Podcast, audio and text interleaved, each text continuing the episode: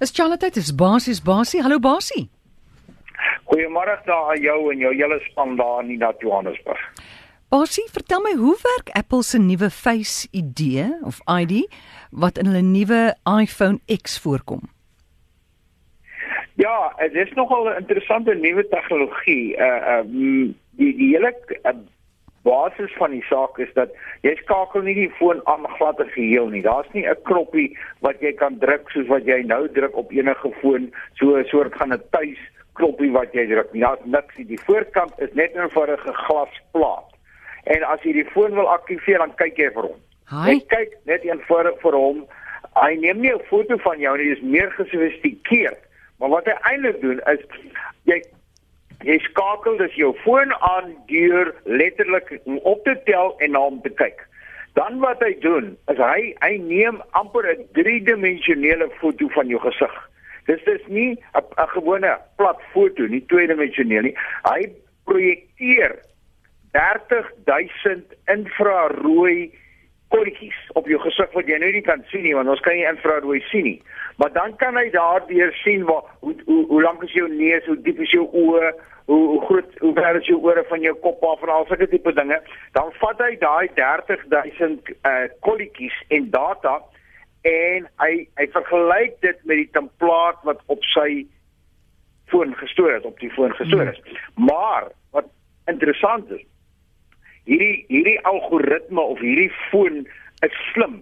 Hy hy bevat en hy gebruik kunsmatige intelligensie en hy leer homself So hy sê vir jou draai jou kop 'n bietjie links, draai jou kop 'n bietjie regs en al so voort en so leer hy hoe lyk jy. En ja. hulle sê dat jy kan jou hare afskeer, jy kan 'n baard laat groei, jy kan 'n hoed opsit, jy kan 'n bril opsit. Maak nie saakie, hy gaan jou herken. Nou weer eens Ek ek is skepties daaroor, maar dit is skynbaar die eerste en die enigste manier waarop jy die nuwe uh, iPhone kan aktiveer. Nou, hoekom is jy skepties? Wel. Eerstens die die kiberkrakers, jy weet daai rotte van ons waaroor ons praat, het klaar gesê, "Jo, ons wag net tot hy uitkom."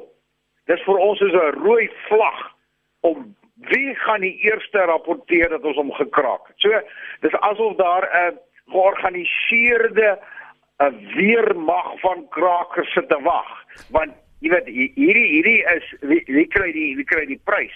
So dis die eerste ding, dan gaan 'n doelbewuste georganiseerde aanval wees. Maar die volgende ding wat my bekommer is veronderstel uh iemand ek word ge, ek word ge uh gearresteer.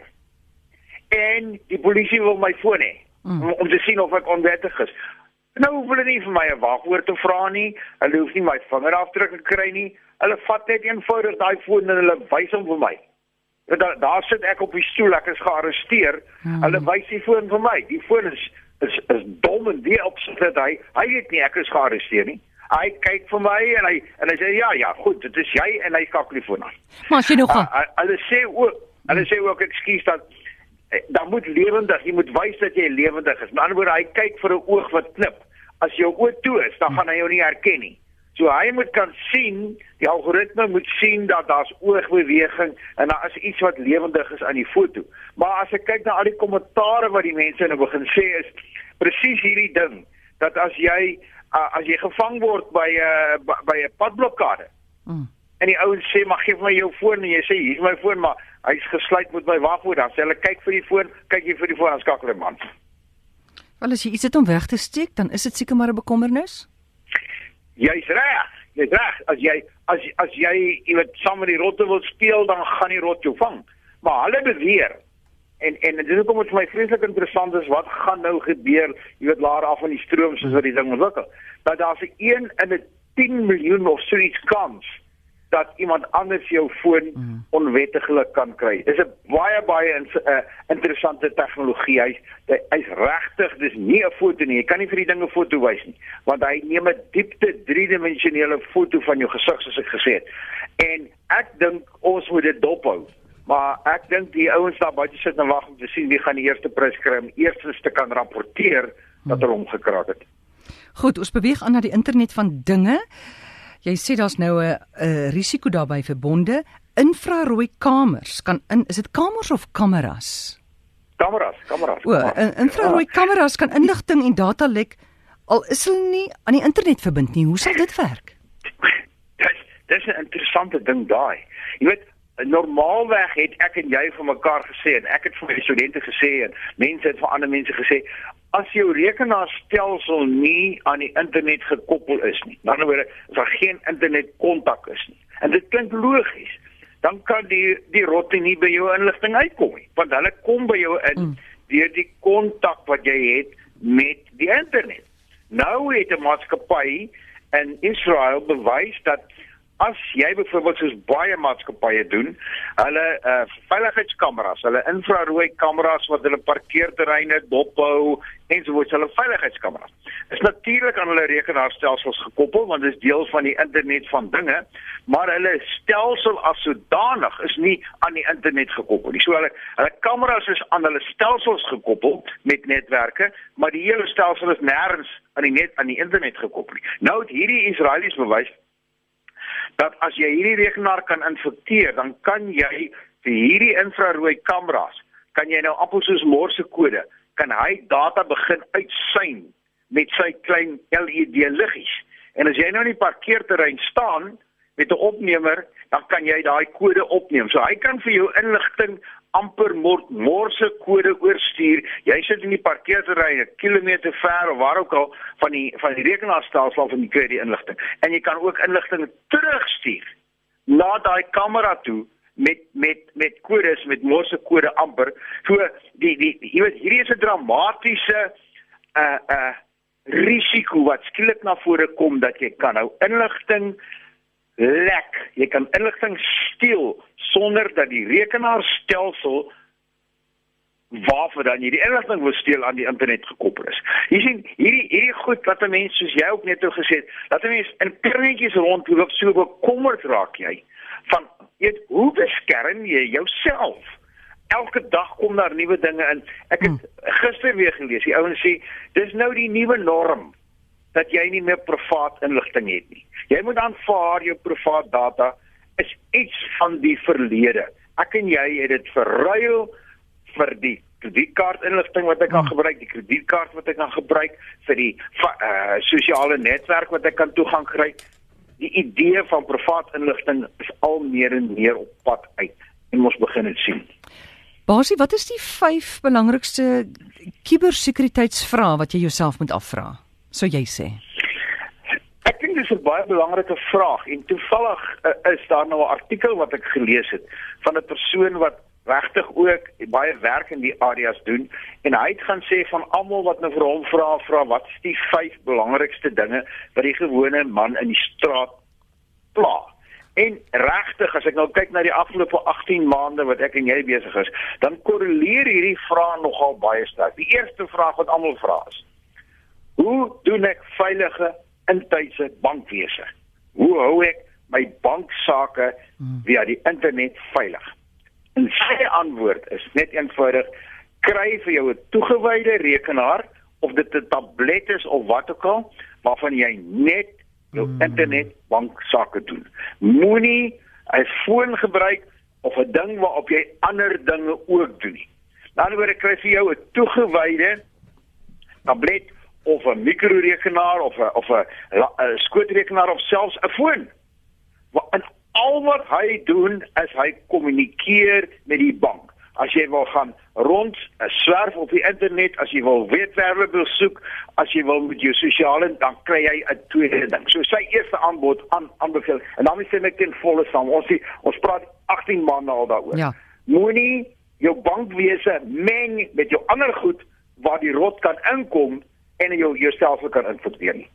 Die tweede een, en presies waaroor ek en jy nou gepraat het, is hoe hou ek my my persoonlike inligting veilig? Hoe weet ek dat die rot nie my inligting kan steel nie? En daaroor het ons uh het ons ges, die, op 'n stadium genoem die idee van 'n uh, virtuele private netwerk.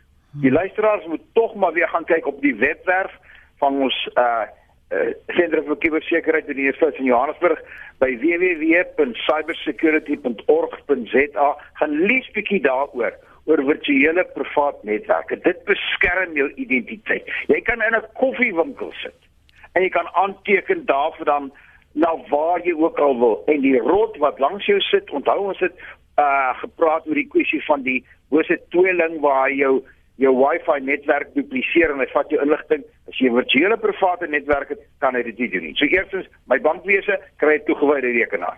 As ek wil my inligting privaat hou, gebruik ek 'n virtuele privaat netwerk. Nommer 3. Daarin moet ek moet ek publieke netwerke gebruik. Ons het gesê wees versigtig vir koffiewinkels. Dis daar waar die die vegte ou jou vang. Dis die derde een. Goed. Die vierde een, baie baie eenvoudig is Hoe wat is die en, en daar kry kry ek en jy ook baie vrae. Wat is die veiligigste manier om 'n aanlyn aankoop te doen?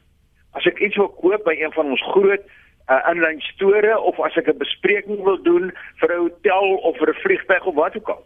En die, en die aanbeveling daar is kry vir jou 'n kredietkaart wat jy net daarvoor gebruik. En sit net genoeg geld op daai kredietkaart om daai transaksie wat jy wil doen af te handel.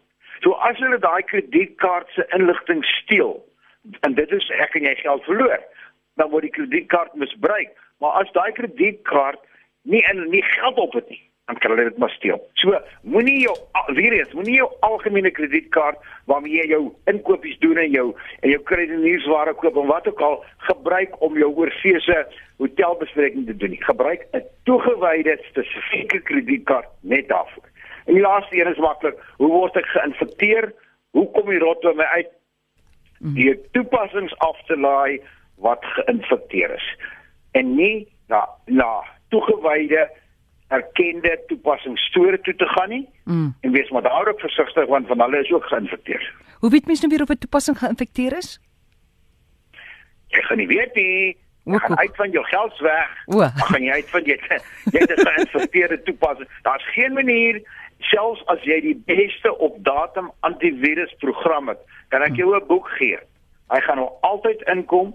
Daarom is die hele konsep as jy nou luister wat ons nou oor gepraat het, hou jou sensitiewe goed weg van die plekke waar die rot by jou gaan uitkom. Dis nie te sê as jy toegewyde tablette vir jou banksaak dat die rot nie by jou gaan uitkom nie. Maar die, dit gaan net baie moeiliker wees want jy gaan nie na al die plekke toe waar die rotte is nie. Jy gaan bank toe en terug. Ja. En jy het 'n uh, meer gemoedsrus. So probeer jou omgewing vir jouself uh, afkamp of afkraal dat jou baie sensitiewe transaksies dat jy hulle doen op toegewyde stukke toerusting wat net daai transaksies doen. Baie dankie Basie, dis wonderlike inligting daai en jy kan vir Basie kontak by rsgbasie@gmail.com en besoek asseblief cybersecurity.org.za. Dankie Basie, geniet dit by die see. Alles van die beste tot volgende week hoor. Mooi bly vir almal van julle. Totsiens.